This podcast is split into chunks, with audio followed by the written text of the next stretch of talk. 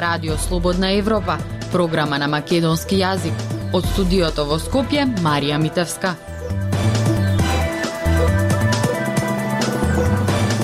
Прочитувани во вестите ке слушате. Председателот Стево Пендаровски му го врачи мандатот за формирање на нова влада на лидерот на СДСМ Димитар Ковачевски. Поднесени лјадници кривични пријави за нелегална сеча на шумите, но процесуирани само мал дел случај. Бројни последици врз мултикултурализмот предизвика COVID-19, покажува истражувањето на Сдруженијето на граѓани Нексус граѓански концепт. Останете со нас. Независни вести и анализи за иднината на Македонија. На Радио Слободна Европа и слободнаевропа.мк. По преземањето на мандатот, лидерот на СДСМ Димитар Ковачевски има 20 дена да состави влада и предлогот да го поднесе до собранието. Според политичкиот аналитичар Джилел Незири, првиот проблем на Ковачевски ќе биде да изгради авторитет во неговата партија, а вториот комплицираната владина коалиција. Прилог на Фросина Димеска. Председателот Стево Пендаровски во вилата водно му го врачи мандатот за состав на новата влада на лидерот на СДСМ Димитар Ковачевски. Секоја минута од нашето време во владата мора да ја посветиме на клучните проблеми со кои се соочуваат нашите граѓани, а тоа е економската несигурност и животниот стандард. Најавувам силен фокус на економскиот развој на земјата и финансиска подршка за семејствата рече Ковачевски. Енергетската криза, економската криза предизвикана од пандемијата и продолжувањето на евроинтеграцијскиот процес и преговорите за соседна Бугарија. Овие три предизвици подетално ги најави самиот мандатар како најважни за новата вода, а по партискиот состанок деновиве. Трите сектори енергетика, економија и надворешна политика сега не ги раководат кадри од СДСМ, туку од коалицијските партнери. Според политичката аналитичар Петар Арсовски, новиот мандатар ќе направи рокади внатре во ресорите кои веќе ги имаат партиите кои се дел од владината коалиција, но поинакви поделби на владиниот колач меѓу партиите не треба да се очекува. Тоа ќе значи дека сепак економските политики кои ги најавува ќе бидат предмет на усогласување во рамките на коалицијата. Дали тоа ќе го разводни нивната имплементација, дали ќе ја разводни, тоа допрва очекуваме да видиме бидејќи ние не знаеме како ќе функционира а, таа коалиција. Политичката аналитичар Джелјал Незири пак смета дека најголем проблем ќе биде што Ковачевски вели ке требал најпрво во неговата партија да изгради авторитет. Тој смета дека втор проблем на мандатарот ќе биде комплицираната владина коалиција. Јас сум песимист дека Ковачевски ќе успее да ги менаджира сите овие процеси и да ги реши овие проблеми со оглед на тоа што неговиот легитимитет и внатре во СДСМ, но и како премиер ќе се оспорува не само од опозицијата, туку во одредени моменти од самите чинители внатре во овие ентитети. До оваа ситуација дојдот како по локалните избори на кои СДСМ претрпе пораз од ВМРО ДПМН, Заев ја најави својата оставка од лидерската партиска позиција и од премиерската функција, што потај ги поднесе.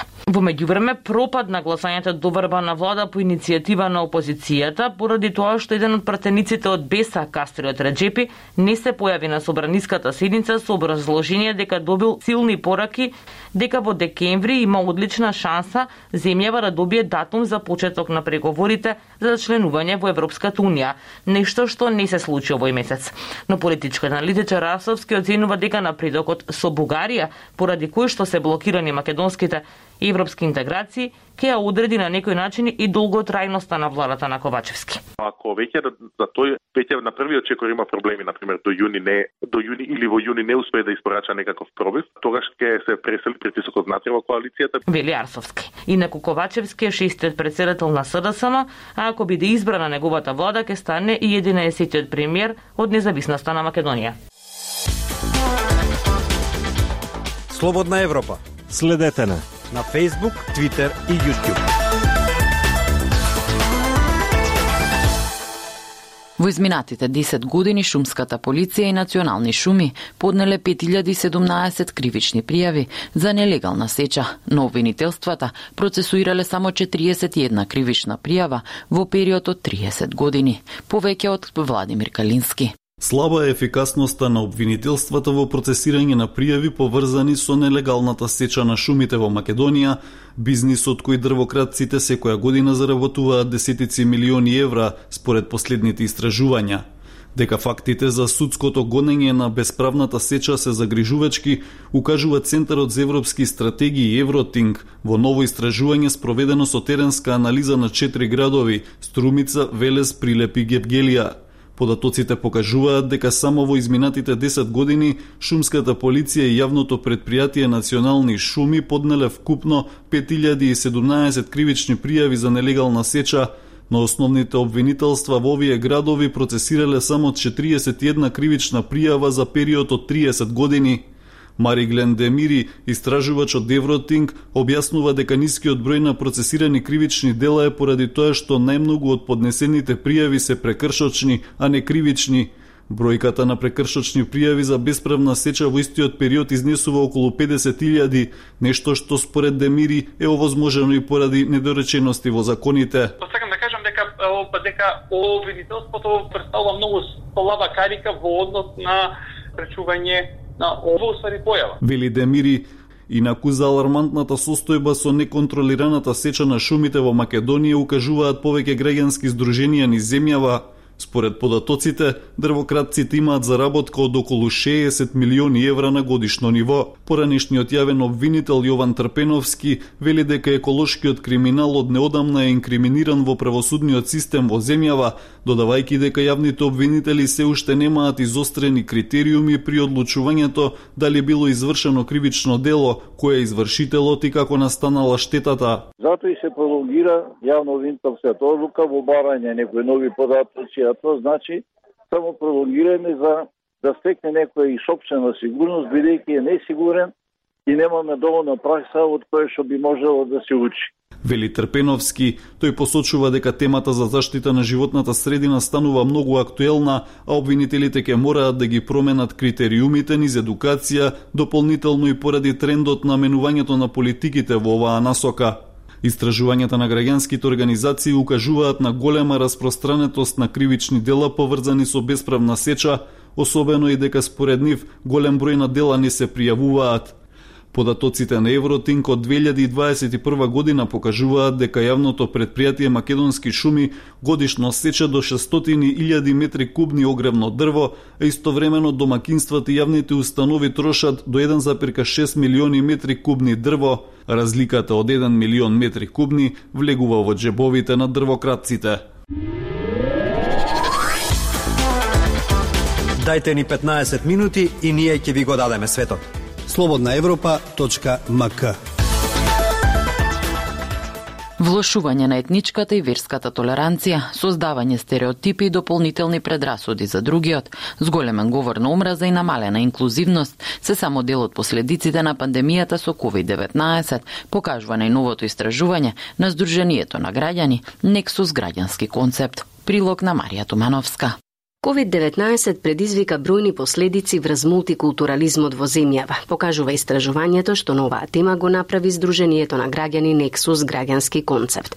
Оттаму наведуваат дека во периодот на пандемијата се влошила верската и етничката толеранција, стигматизацијата и предрасудите, а се намалила и инклузивноста. Истражувањето главно ни покажа дека седејќи дома и немајќи можност да се социализираме, да, да ги спроведуваме овие активности, голем број на овие деца нели се служеа со социјалните медиуми. Многу важна работа е тоа што во денешно време сметам дека во образованието многу малку е застапено критичкото мислење. Вели Афродита Муслиу која работеше на истражувањето.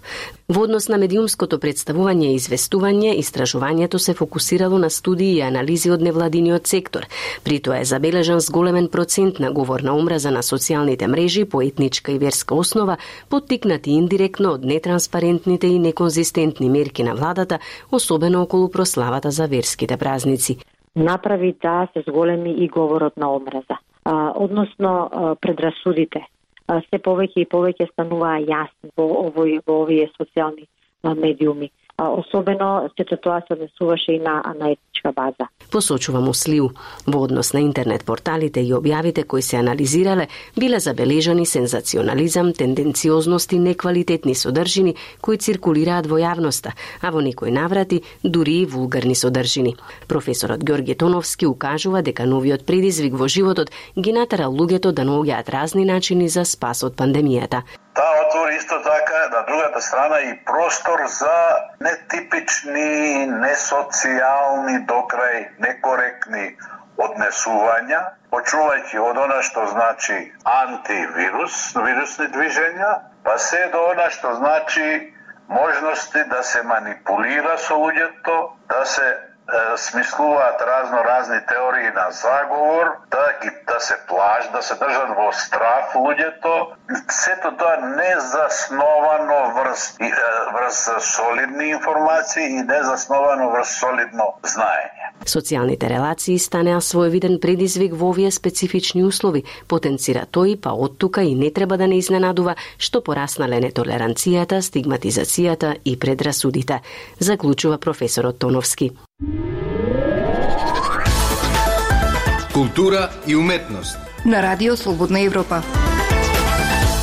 Животот е е насловена новата музичко-сценска приказна на Наташа Поплавска, чија премиерна изведба е планирано да се одржи в четврток на 30 декември во 20 часот во Националната опера и балет. Ова дигитално кабаре е работено во соработка со Ристо Вртев и кореографката Олга Панго. Прилог на Лјупчо Јолевски.